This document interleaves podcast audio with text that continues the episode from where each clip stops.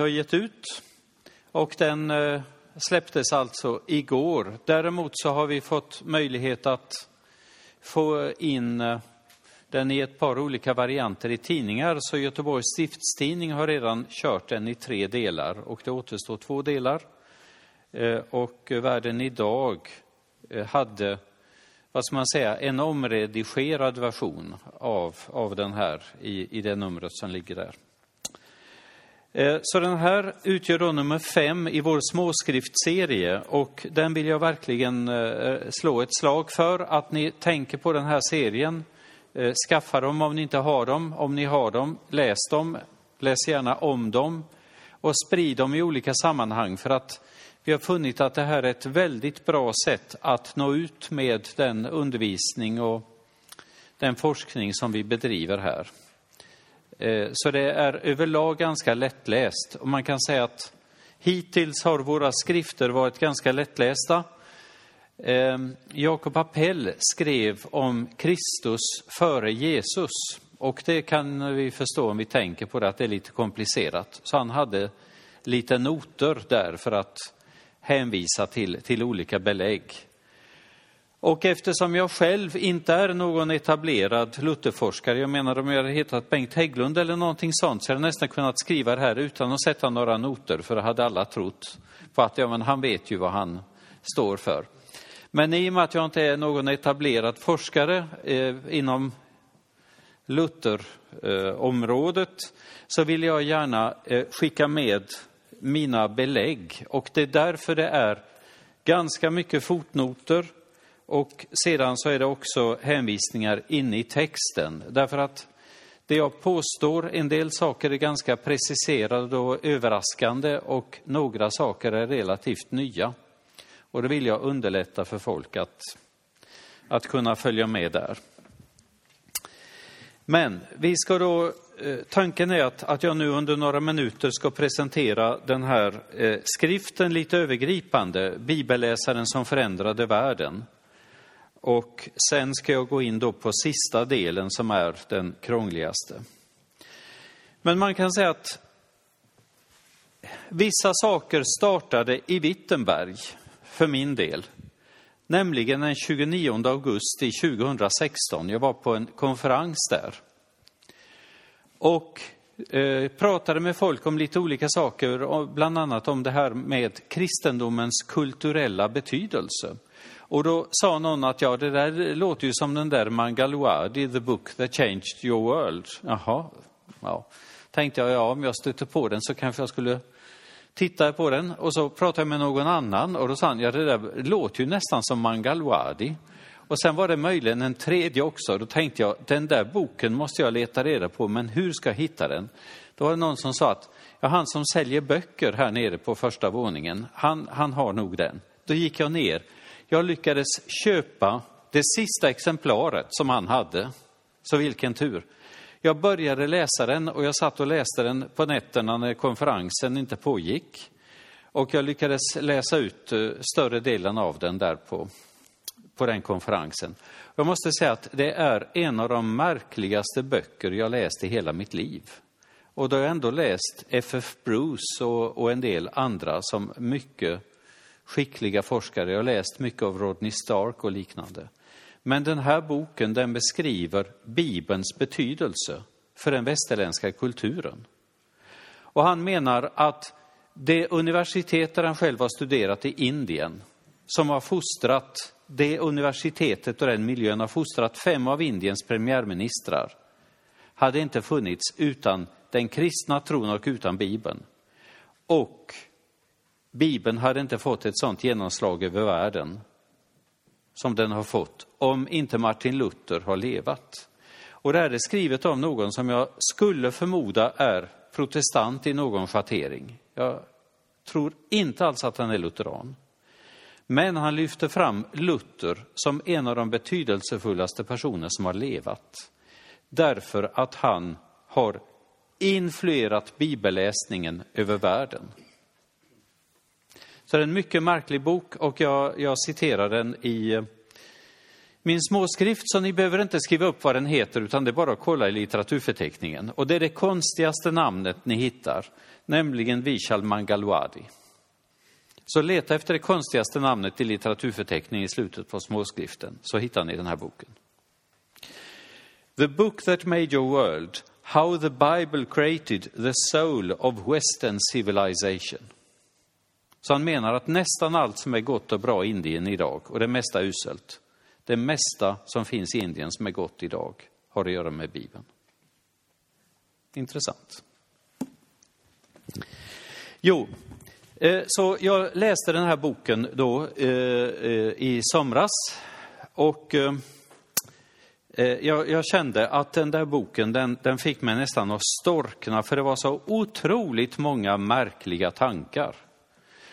Bland annat eh, gudsbilden hos, eh, hos, eh, inom skolastiken, hur den är präglad av Aristoteles. Medan det märkliga med Luther, det är att han gör upp med skolastiken, han gör upp med Aristoteles. Och han är en av de första stora teologerna som lyckas tränga tillbaka till den, det judiska sättet att tänka på Gud, det gammaltestamentliga. Så jag, jag har gått och burit med mig många av hans tankar länge. Så skulle jag då jobba med den här småskriften och då kom jag fram till att, att jag kunde så att säga bygga vidare på vissa av de tankarna. Men bland annat så kom jag fram till att en av de viktiga händelserna i världshistorien, det är faktiskt 4 maj 1521. 4 maj 1521. Det som skedde då det var att Luther hade mött kejsar Karl V i Worms, vid riksdagen i Worms. Och det där mötet hade kunnat gå åt vilket håll som helst. Det gick ganska illa för att Luther lyckades inte övertyga kejsaren. Han var ung och nervös. Han var en utpräglad spanjor och Luther var en utpräglad tysk. Det fanns nästan ingenting att samtala om. Om ni tycker det låter knepigt, ja, hur, hur lyckas Angela Merkel tala med grekerna om statsfinanser? Tänk dig EU idag.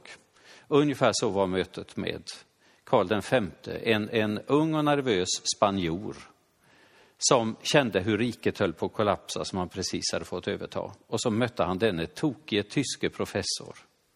Som, ja, vad menade han egentligen? Han gick till storms med hela den katolska kyrkans tradition sedan många, många hundra år. Så det var helt befängt. Och Luther, han blev också förklarad fredlös bara några veckor senare. Så den 4 maj hade han träffat kejsaren, han blev förklarad fredlös av, av eh, kejsaren då, slutet på, på maj 1521. Det som skedde, det var att Luther försvann. Och det var den överraskande utgången, därför att det folk mindes, det var som hade hänt hundra år tidigare, nämligen 1415 vid konciliet i Konstans.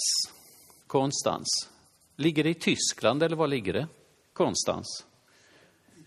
Tyskland, ja. Ja, gränsområdet kanske Tyskland, Schweiz. Då hade Jan Hus kommit dit, den tjeckiske reformatorn, med löfte om fri lejd. Det som skedde, det var att han greps, han brändes som kättare. Så det var situationen 1415. Luther var medveten om att han var en slags hus två. Och han hade mycket väl kunnat bli dödad. Men i och med att, att det fanns så starka löften om fri lejd så kunde han återvända till Wittenberg, men han försvann på vägen. Och den här händelsen, den har då förändrat världen på ett mycket märkligt sätt. Och man brukar inte prata om det på det sättet, men det är min konklusion. Därför att det som skedde, det var att Luther hamnade på slottet Wartburg. Och det var, vad kan det vara, 10-15 mil ifrån Wittenberg eller någonting, någonstans. Hans kurfurste, Fredrik den vise av Sachsen, hade sett till att Luther blev kidnappad. Men han såg också till att han hade deniability. Alltså precis det som alla amerikanska presidenter längtar efter. Deniability. Det är att någonting ska ske, men man vet inte och man är inte ansvarig. Så kurfursten visste inte att han fördes till Wartburg, men däremot så var han införstådd med att det skedde.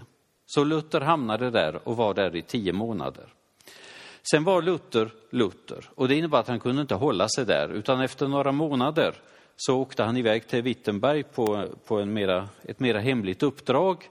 Och folk insåg ju snabbt att han var i livet för att för att vara ett spöke så producerade han ovanligt många manuskript. Så Melanchthon han fick det ena manuskriptet efter det andra.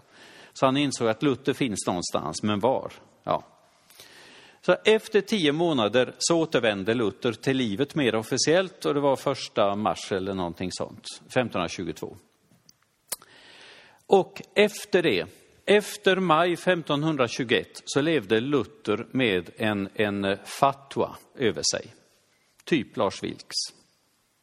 Det vill säga, han kunde inte röra sig i Tyskland, men i det här fallet så var det det, så var det, det tysk-romerska kejsardömet som hade utfärdat det med stöd av påven och han var, han var bannlyst, han var fredlös. Så i och för sig skulle vem som helst kunna döda honom. Och om ni tycker att Luther har ett grovt språk, så tänk er att ni själva lever med en dödsdom i 24 och ett halvt år. Det var det som var hans situation. Han var dödsdömd. Men på grund av att han hade så stark politisk uppbackning så kunde han överleva. Det som han gjorde på Wartburg, det var många olika saker, men bland annat så var det det att han, att han översatte Nya testamentet till tyska.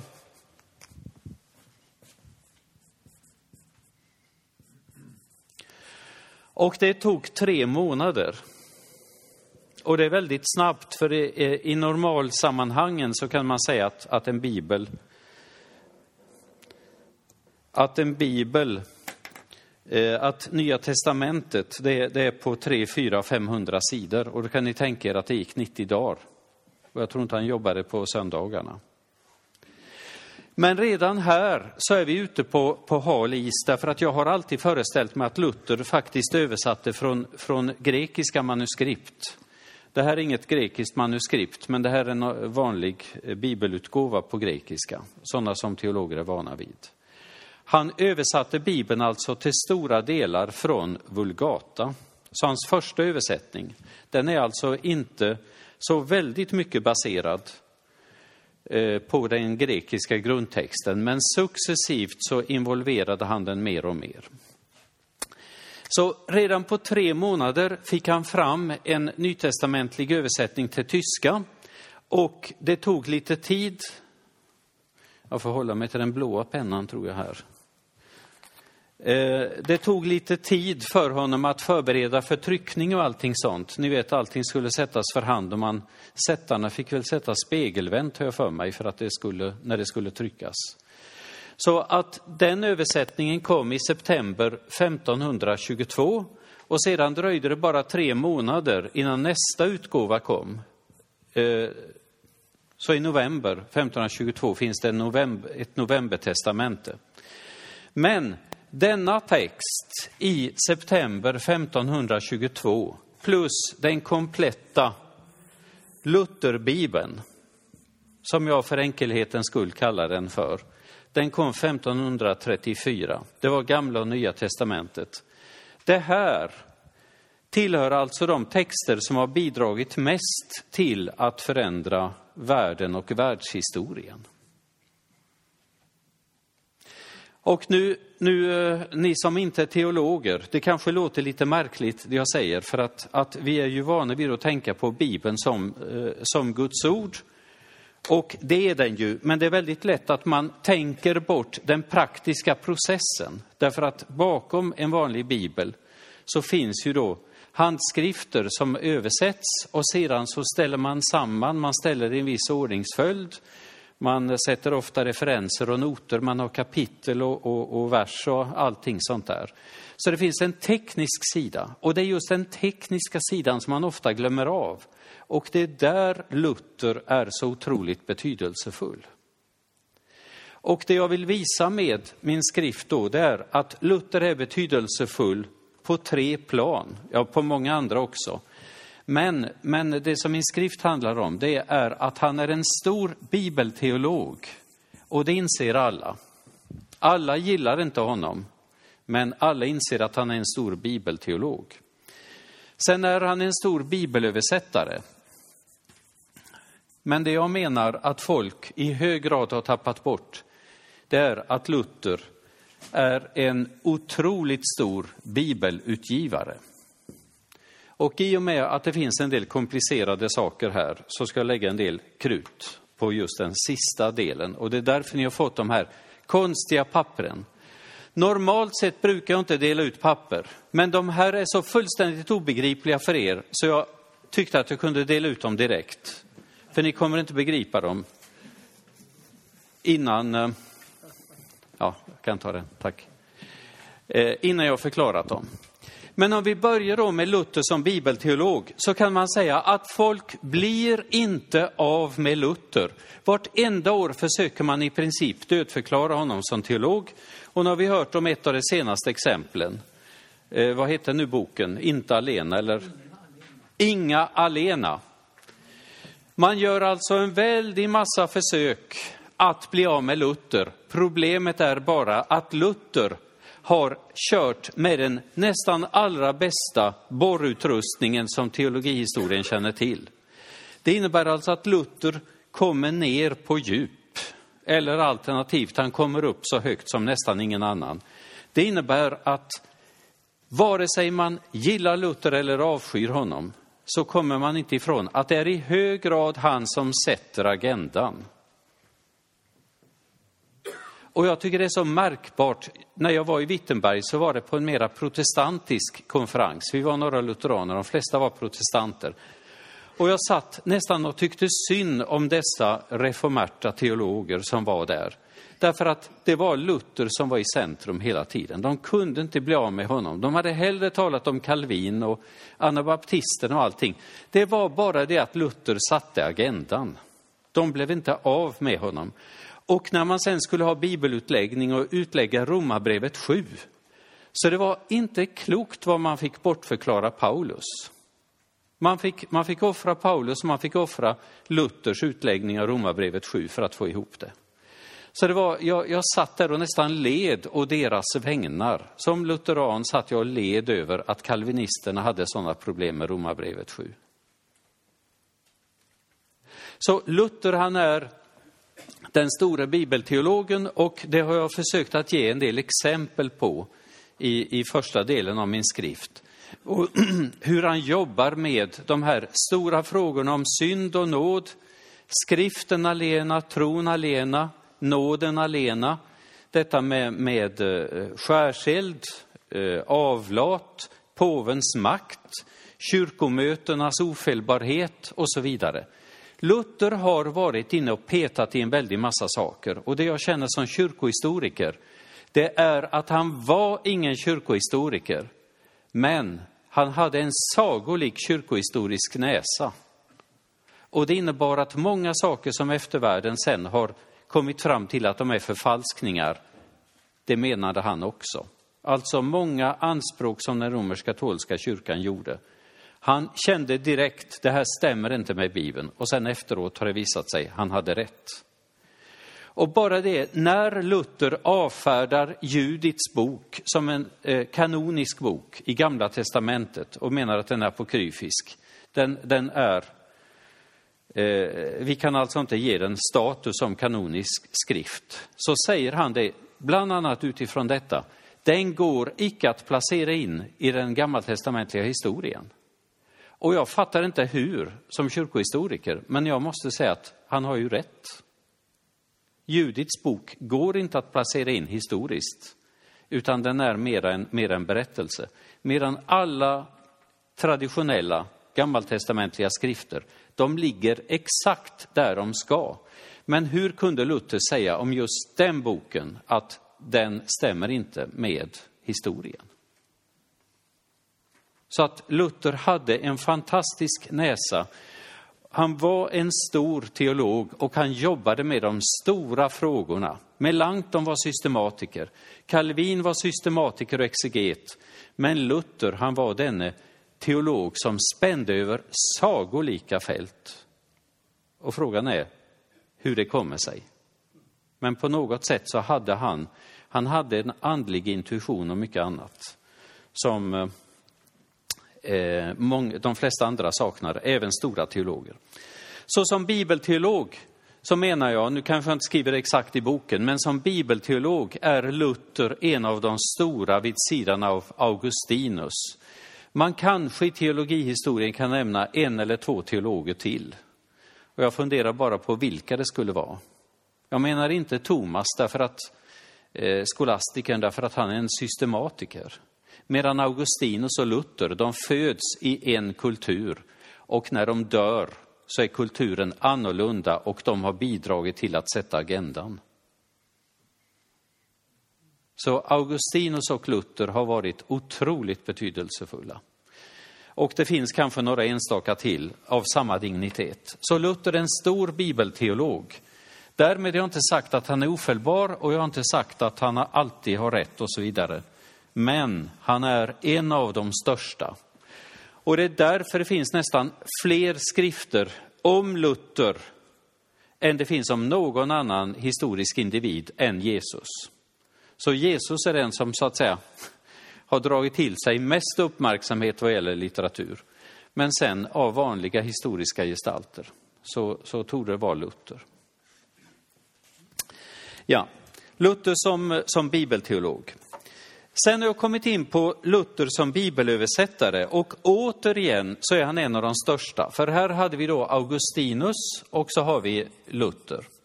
Som bibelöversättare så lyfter jag fram två personer som jag tror är bland de största någonsin. Det är Hieronymus och återigen Luther. Och då, varför är Luther så betydelsefull? Jo, man kan säga att han gick faktiskt i Hieronymus eh, fotspår på olika sätt. Hieronymus, det var han som gav sig i kast med den gamla översättningen, det som numera ofta kallas för Vettus Latina, och eh, skapade då den bibelöversättning som fortfarande används av den romersk-katolska kyrkan på latin, nämligen Vulgata. Så eh, Hieronymus, han har skapat då en av världens viktigaste bibelöversättningar, Vulgata. Och den har, har fortfarande normerande betydelse för den romersk-katolska kyrkan, även om man har eh, så att säga bearbetat den. Det Luther gjorde, det var att han tog fram en tysk översättning och han började då med NT Rik på några månader. Han jobbade med Gamla Testamentet och det tog nästan tio år. Före honom fanns det 17 tyska översättningar, om jag har fattat det rätt. Det är bara det att när hans översättning kom så sopade den banan med alla de andra. Och det var väl delar av Bibeln, eller jag tror inte att alla var hela Bibeln. Men det fanns alltså en rad översättningar. Det är bara det att när Luther hade fått fram sin, så insåg alla att den var så överlägsen, så det var den som så att säga satte eh, normen. Och Luther har blivit så betydelsefull att man till och med menar att, att det är den som har skapat det moderna tyska språket. Och om vi då tänker på engelska så, så är det ju faktiskt så att när man då vill ha en rikslikare för engelska språket så är det i hög grad Shakespeare och King James version som eh, är de, de, de så att säga gigantiska texterna. Och King James det är 1611 och Shakespeare han levde ungefär samtidigt. Det är bara det att King James version, den bygger delvis på Luther. Så det är via William Tyndale eh, den bygger till stor del på Tyndale och Tyndale byggde till stor del på Luther. Så man kan säga att Luthers översättning eh, av, eh, av Bibeln, den är otroligt betydelsefull. Och jag såg här i, i en skrift som jag bara bläddrade i, att Luther från 1522 från 1522 till sin död 1546 så gav han ut eh, eh, 91 bibelutgåvor. 91 utgåvor. Och det innebar då 21 nya testamenten, 21 versioner av Nya testamentet och 11 fullbiblar. Och sen därutöver eh, knappt 60 till. Så ni kan tänka er 90, 90 sådana utgåvor på, eh, på 25 år. Det innebär att det är ungefär tre, utgåv, tre eller fyra utgåvor per år. Med korrekturläsning och allting. Och då pratar vi inte om eh, småpotatis, jag ska strax visa, visa för er hur, hur det hela ser ut. Utan Luther gav själv ut det här. Sen förekom det en massa piratupplagor som gjordes av andra. Och sen körde katolikerna med piratupplagor, det vill säga de gav ut motbiblar, biblar som gick emot Luther, Luthers tolkning. Men de baserade man i första hand på Luthers egen text. Så man tog Luthers text och sen så översatte man vissa bibelställen på ett annat sätt. Så Luther fick till och med stå för mot-Lutherbiblarna. Och de här piratupplagorna, de var en sån plåga så att Luther fick köra med sin copyright som såg ut på det här sättet. För att visa att det var äkt, äkt-lutherska skrifter så körde han med de här symbolerna. Så det är alltså eh, 400 år före copyrightlagstiftningen som han körde med det. Och det var något liknande med Lina Sandell, och det har jag skrivit om, att hon fick ut sina samlade sånger i tre band, 650 sånger, därför att eh, det förekom så mycket, vad ska man säga, att man tog till andra sångsamlingar och bearbetade. Så både, både Luther och, och Lina Sandell och så fick jobba med, med sånt här. Men tänk er då, 91 utgåvor. Varje kvartal producerade Luther en bibel eller en bibeldel eller ett nya testamente. Och det innebar att han, hade, han införde en, en typ av teamarbete, så de var fem, sex, sju personer som samlades en gång i veckan ofta för att gå igenom de här frågorna. Och ibland så kunde de fastna eh, flera veckor bara på en, en speciell eh, vers eller några få versar i vissa av de här krångliga bibelböckerna. Eh, typ eh, jobb och lite annat. Eh, så Luther var otroligt produktiv och han oms det var alltså flera tryckerier, en stor del av tryckeriverksamheten i Tyskland under hans livstid försörjdes av honom. Så han själv fick i rotation flera hundratusen eh, exemplar av sina skrifter och sen fanns det då andra som gjorde piratupplagor och allting sånt. Så att här har vi då den här sidan av det. Och jag, eh, som jag minns det så har jag sett en uppgift om att mellan 1534 och 1574 så tryckte man 100 000 exemplar av Bibeln. Och då kan ni tänka er att då, då snackar vi grejer alltså. För det här, det här är Lutherbibeln. Och då kan ni tänka er hur otroligt viktigt det är att vi har möjlighet att köpa in den här typen av texter. För utan att man ser de här rent visuellt har man svårt att reda ut vad är det egentligen han har gjort och hur han gått tillväga. Och nu ska jag ta upp de här sakerna. Och då går vi in på, på våra... Då går vi in på de här bladen som ni har fått. Och det finns fler blad här om någon behöver. Det vi ser allra överst, det är då hur man i judiska sammanhang ser på Gamla testamentet. Där det står index, index librorum biblicorum. Det ni ser där, det är de 39 gammaltestamentliga böckerna som vi är vana vid att räkna med. Det är bara det, vi säger 39 medan judarna säger någonting annat. Och jag har ända fram till för bara några månader sedan trott att judarna brukade räkna till 22. Och då handlar det alltså om manuskriptrullar, skriftrullar. Så det är samma böcker, det är samma 39 böcker. Men alltså 22 har jag trott ända fram till för några månader sedan. Det är bara det att nu har jag insett att det är de kristna författarna i, i fornkyrkan, de brukade få det till 22, medan ofta så var det 24. Och om ni tittar här då så ser ni att jag har dragit ett streck efter Deuteronomium. Så först är det fem Moseböcker. Det är de som står för lagen. De står för lagen, de fem Moseböckerna. Det är inga konstigheter, det, det har alla. Sen efter det kommer Josua och det går fram till Hesekiel. Och det ser ni också, det är det som kallas för profeterna. Så drar jag ett streck vid Hosea som går fram till Malaki och det är tolvprofetboken.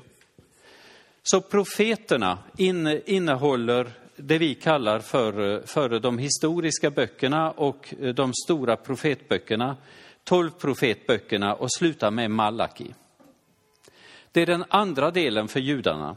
Den tredje delen börjar med Saltaren och går till krönikeböckerna.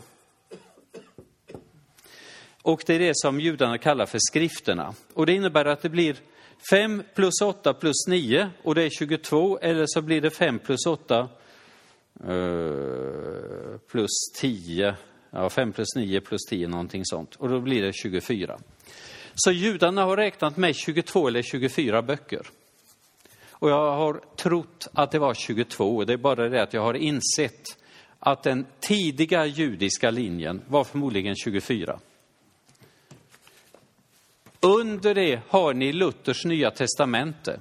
Och vad ser vi där? Jo, Luther räknar 1 till 23. Och så har han en 24 onumrerad grupp på fyra böcker och det är fyra som har varit mera omstridda.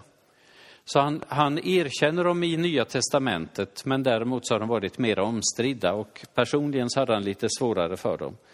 Och där brukar man ofta nämna Jakobs brev, men ni ser att det är de andra. Så det, det är de som kyrkohistoriskt har varit omstridda. Det Luther gör, det är att han helt enkelt tar den judiska 24-numreringen och använder som struktur för Nya Testamentet. Och det innebär att här har vi då vårt traditionella Nya Testamente.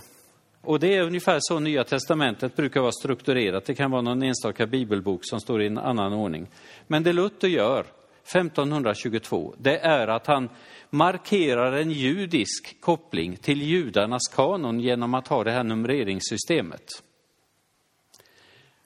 Och eh, om man då tittar i den svenska Nya testamentet 1526 så har de inte siffrorna, men de har exakt samma struktur och ordning som här. Så vårt första Nya Testamentet på svenska följde alltså Luther på den här linjen. Nu är det inte det här som är det radikala, utan det märkliga är det som kommer på nästa sida, på sidan två. Därför att där ser ni återigen judarnas kanon, men under det ser ni Septuaginta, alltså den grekiska översättningen av, av eh, Gamla testamentet. Så, det, så Septuaginta, det är då en översättning. Och då ser ni att det finns en massa andra böcker. I Gamla testamentet, i Septuaginta, så får man ihop nästan 50 böcker. Och jag har skrivit ut en del av titlarna här bara för att ni ska kunna knäcka det hela. Kungaboken och krönikeböckerna, Esra, Nehemja, de står där de ska stå. Men Esra 1, det är en apokryfisk bok. Och sen kommer Ester som delvis är apokryfisk, Judit apokryfisk, Tobit, eh, första och andra Makabeboken apokryfiska och sedan tredje och fjärde Makabeboken som är pseudepigrafer, alltså eh, som inte ens har status som apokryfiska utan en lägre rang. Sen efter det kommer salmerna, Salomos Oden, Ordspråksboken, Predikaren, Höga Visan, Jobb, Visheten, Syrak, Salomos salmer. Och sen i anslutning till Jeremia kommer Baruk och Jeremias brev. Och sen eh, längst ner Daniel tillsammans med ett par apokryfiska delar. Så ni märker att det som fornkyrkan i hög grad använde som Gamla testamentet, det var väldigt förvirrat. Man hade släppt judarnas räkning här och eh, man hade med alla de här 39 böckerna. Det var bara det att man lyckades inte avgränsa så att kanon svällde. Gamla testamentet omfattade ungefär 50 böcker och exakt vilka, det visste ingen. Så på grekiska var det en förfärlig röra. Hur var det då med den romersk-katolska kyrkan? Jo, om vi bläddrar fram två blad, då ser ni att det står Vettus testamentum så här. Och då tror man att, ja, på latin, vulgatöversättningen, där hade man de 39 böckerna plus åtta kryfer. Det är bara det att det här bladet är en illusion. Det här bladet visar inte hur situationen var på Luthers tid, utan det här visar hur man i den romersk-katolska kyrkan löste problemet efter att Luther hade hjälpt dem. Det var Luther som hjälpte den romersk-katolska kyrkan att rensa upp i stallet så att säga. För det var en total förvirring. Gå tillbaka ett blad nu och så ser ni att det står Before and after the reformation.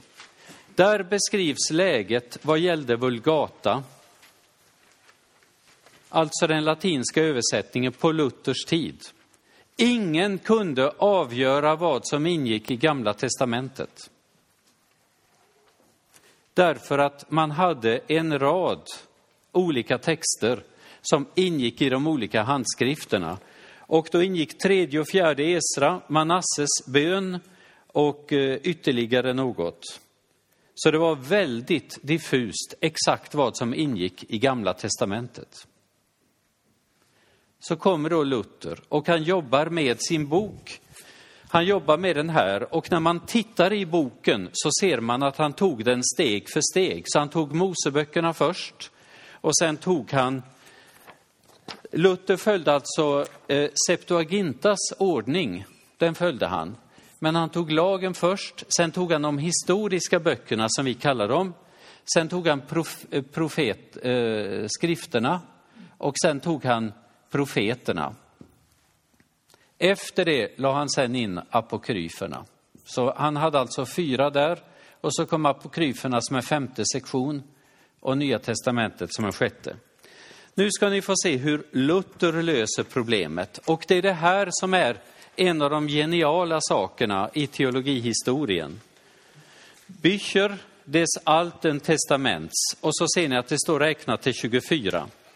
Då har Luther kört judarnas 24-räkning och han har följt judarnas kanon. Därmed har han anslutit sig till Hieronymus linje. För Hieronymus ville bara ha 39 böcker. Medan Augustinus, som inte kunde hebreiska och inte kunde grekiska, han var van vid de gamla latinska översättningarna som hade 45-50 böcker. Så Augustinus ville ha en annan linje, medan det Luther gör här, det är att han tar böckerna i den ordning som vi är vana vid.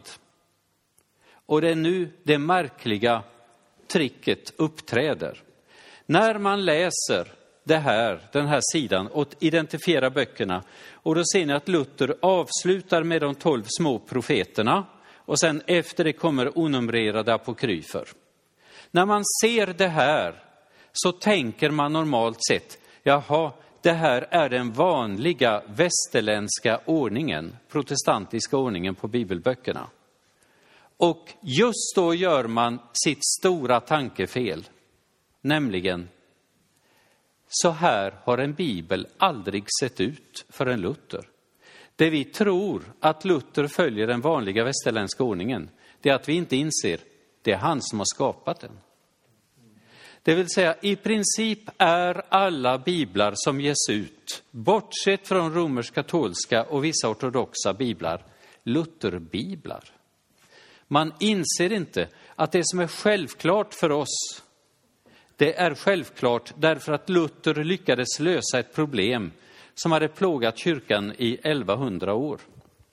Nämligen det där med hur man skulle se på Eh, Eh, på bibeltexterna vilka som hörde till kanon och vilka som var på kryfer. Så Luther gjorde så här.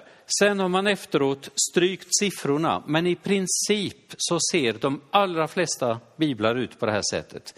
I och med att katolikerna inte ville hålla på med bibelöversättning och bibelutgivning så fick protestanterna nästan monopol. och sen har man kört den här linjen. Nu, den fråga som jag själv har ställt mig många gånger och jag har frågat åtskilliga personer är, har Luther byggt på någon annan eller är det här hans uppfattning? Och jag har inte kunnat stöta på någon teolog som har sagt Luther byggde på någon annan. Rent verkningshistoriskt så kan vi säga att, att folk har följt Luthers struktur, men frågan är, har han hittat på den eller har han följt någon annan? Men jag har inte kunnat hitta någon enda uppgift om att någon bibel har sett ut så här före Luther. Därför tror jag att det är han som har hittat på den här konstruktionen. Det vill säga följa judarnas linje med 39 böcker. Han har grupperat dem i 24. Han har följt Septuagintas ordningsföljd, inte judarnas ordningsföljd, utan Septuagintas och Vulgatas ordningsföljd. Men kanonmässigt så har han gått, så har han brutit med Augustinus och följt Hieronymus. Det här är det jag har kommit fram till här. Nu har jag lagt fram, vad ska man säga, mina, mina belägg. Jag har, jag har skickat med noter och allting sånt. Det kan tänkas att jag har fel på det sättet att någon annan har, skulle kunna ha gjort exakt likadant. Men i så fall, om Luther har kopierat någon annan, så är det ändå Luther man har följt. Därför att vi vet att Tyndale, han var väldigt påverkad av Luther. Sen blev han bränd 1536, för han översatte Bibeln, så då förtjänar man att brännas på bål. Dog i Bryssel. Eh, så att, att hans översättningsarbete avbröts, men andra fortsatte det. För svensk del så byggde Olaus Petri och de andra på Luther. I Danmark så byggde man på Luther. Finland byggde på Luther. Norrmännen byggde inte på någonting för de fick läsa den danska bibeln. De fick ingen eh, bibelöversättning. Och i Tyskland har Luther dominerat. Sen i Frankrike och andra länder så har andra också arbetat. Men jag tycker alltså Luthers sätt att lösa denna, det apokryfiska problemet med apokryferna, det är mycket elegant. Och det visar alltså hur Luther är influerad av judisk tradition. Sen menar då Birgit Stolt, som har jobbat mycket med Luther som bibelöversättare, att han hade en sagolik intuition, trots att han inte var någon hejare på på hebreiska och inte på grekiska heller. Det finns många teologer nu för tiden som är mycket bättre på det än han. Så hade han en fantastisk förmåga att flytta över de här sakerna till tyska.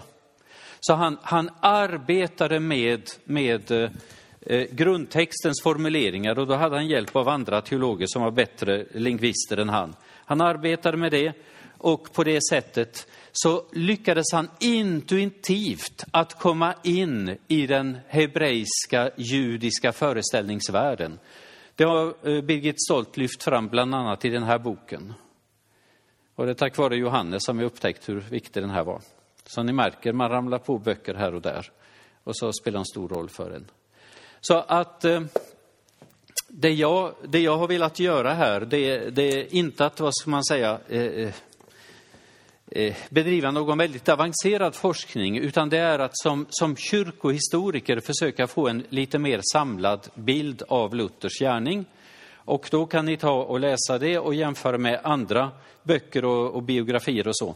Men det är här jag tycker att, att jag har lyckats hitta ett element hos Luther som andra inte verkar ha sett på samma sätt. Ja. Nu har jag dragit över lite här på tiden och så, men